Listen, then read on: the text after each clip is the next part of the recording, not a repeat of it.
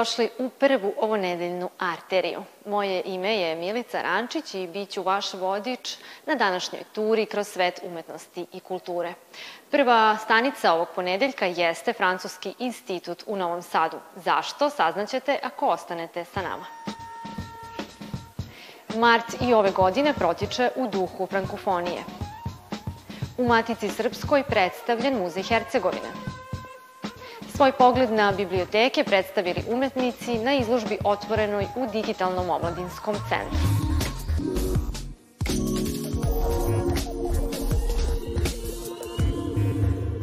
Novi Sad će do kraja meseca odisati duhom francuske umetnosti i kulture i to zahvaljujući programima u okviru meseca frankofonije. Šta nas sve očekuje do 31. marta, pitamo Vladimira Marinkovića iz Francuskog instituta u Novom Sadu. Dobrodošli u Arteriju. Dobrodošli u Francuski institut u Novom Sadu. Na čemu je fokus ovogodišnje manifestacije i šta publiku očekuje do 31. marta? Od sutra, od utorka 7.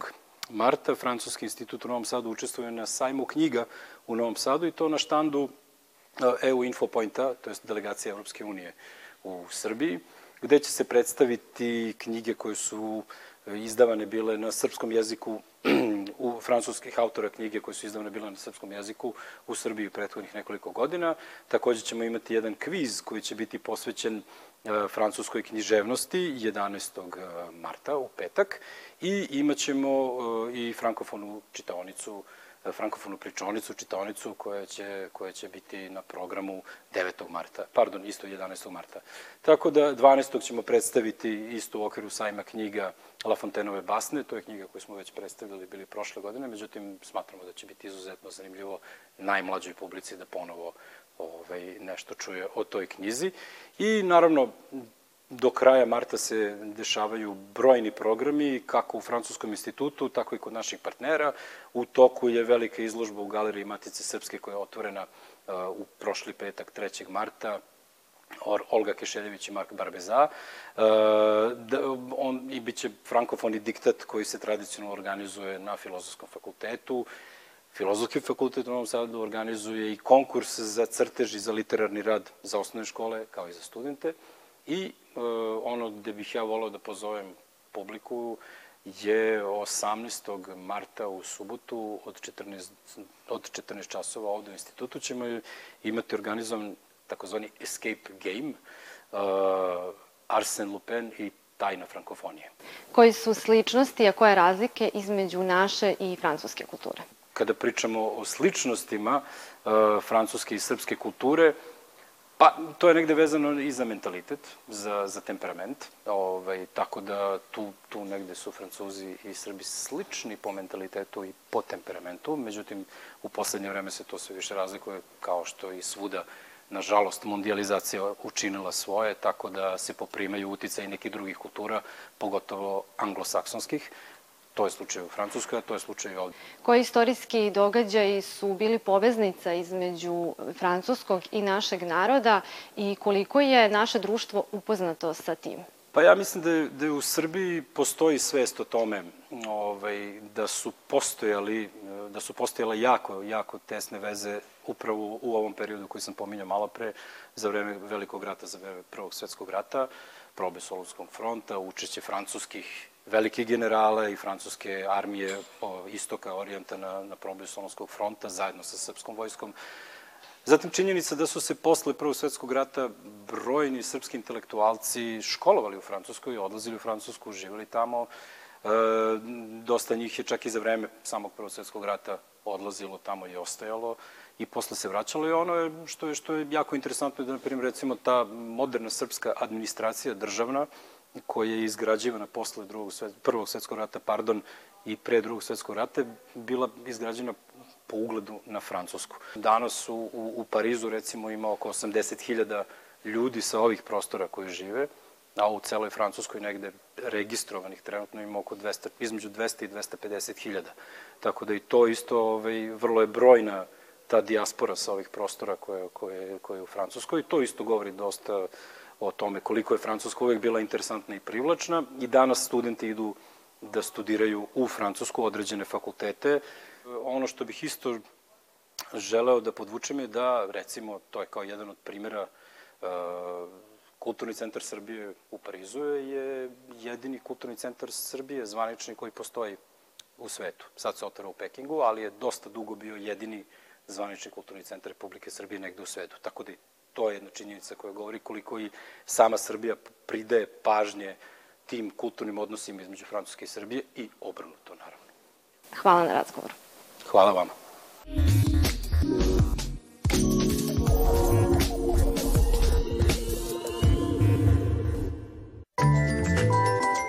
Martu mesecu se u našoj najstarijoj instituciji kulture obeležava Mesec Hercegovine u Matici Srpskoj. Tim povodom večeras je održan prvi od sveukupno tri planirane događaja. Prisutnima se predstavila delatnost Muzeja Hercegovine, o kojoj su govorili arheolog i direktor muzeja Ivana Grujić i istoričar kustos Simo Radić. I naša želja večeras u okviru meseca Hercegovine u Matici Srpskoj predstavimo muzej, muzej Hercegovine koji obeležava 70 godina postojanja sa svim onim šta taj, šta taj muzej ima. Tako će i novosadska publika imati prilike da vidi šta može da pogleda u Muzeju Hercegovine kad ode u Trebinje. Muzej Hercegovine jedno je od najstarijih kulturnih ustanova u istočnoj Hercegovini. U svom sklopu imaju arheološko, umetničko, istorijsko, etnološko i prirodnjačko odeljenje. Ono na čemu ćemo mi večeras, eto da kažemo, insistirati, to je u stvari da pokažemo koliko je važno kada jedan e, muzej postoji u jednom gradu kao što je Trebinje, ali i ne samo u tom gradu, nego za čitavu tu oblast. Jer da nije bilo muzeja svih ovih 70 godina, verovatno bi u nepovrat e, izgubili ne samo kulturno-istorijsku baštinu, nego i onu nematerijalnu koja se tiče tradicije Hercegovine. Svojom kolekcijom umetnjina veština i predmeta, pratećim programima, radionicama i brojnim drugim aktivnostima Muzej Hercegovine nudi za svakoga po nešto. Te sledeći put kada se nalazite u blizini Trebinja, naša preporuka jeste da svakako posetite tu ustanovu kulture i uživate u bogatom izboru zanimljivih istorijskih činjenica.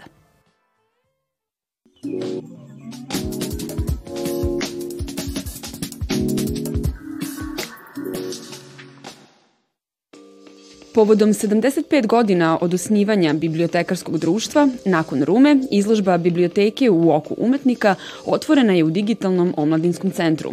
Postavka je svojevrsni omaž bibliotekama kao hramovima kulture koje su se svile u najrazličitijim zdanjima, a ima zadatak da poveže te institucije i likovne umetnike. Imamo ovde 22 slike, 22 biblioteke, 22 likovna umetnika. Projekat biblioteke u oku umetnika govori u stvari o večitoj potrebi da se za biblioteke koriste funkcionalni prostori ili da se grade novi prostori, što bi bila neka najbolja varijanta i da samim tim prikažemo u kojim prostorima bibliotekari funkcionišu i rade i kako oni izgledaju, kakve su to zgrade, a najčešće te zgrade predstavljaju određene, određena znamenja gradova u kojima se nalaze.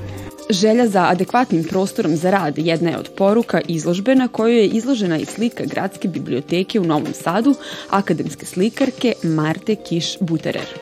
Slika je kombinovana tehnika na platnu, jer ono što možda neće svi moći da vide na prv, u prvom momentu e, treba da prikaže prolazak vremena i biblioteku kao nešto što postoji, što traje u vremenu, u nekom prošlom i u nekom sadašnjem, a i u budućem. Izložbu biblioteke u oku umetnika zainteresovani mogu pogledati do 20. marta.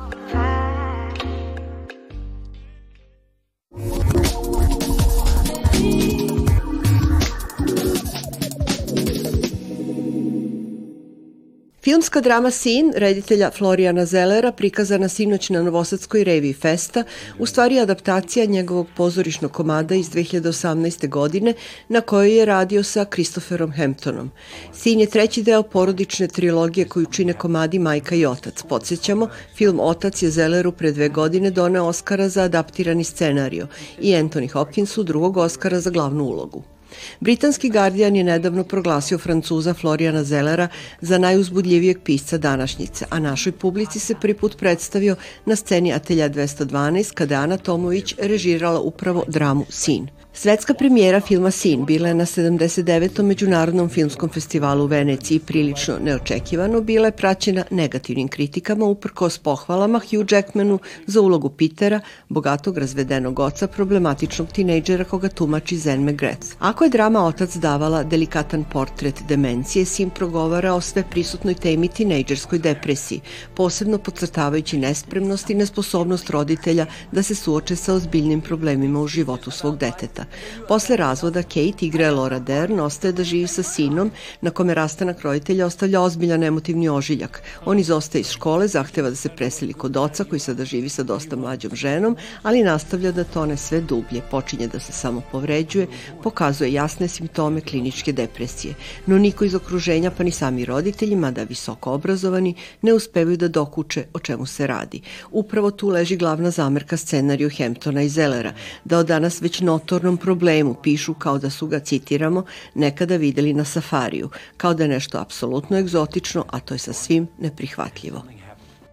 Bilo bi to sve od ekipe Arterije za ovaj ponedeljak. Sutra počinje Međunarodni sajam knjiga u Novom Sadu i umetnička izložba Art Expo. Naša ekipa biće na licu mesta, a sve novosti sa sajma, preporuke za čitanje, kao i programe možete pratiti u sajamskim hronikama, koje će se emitovati svakog dana od utorka do petka u 13 časova i 30 minuta. Hvala na pažnji i prijatno.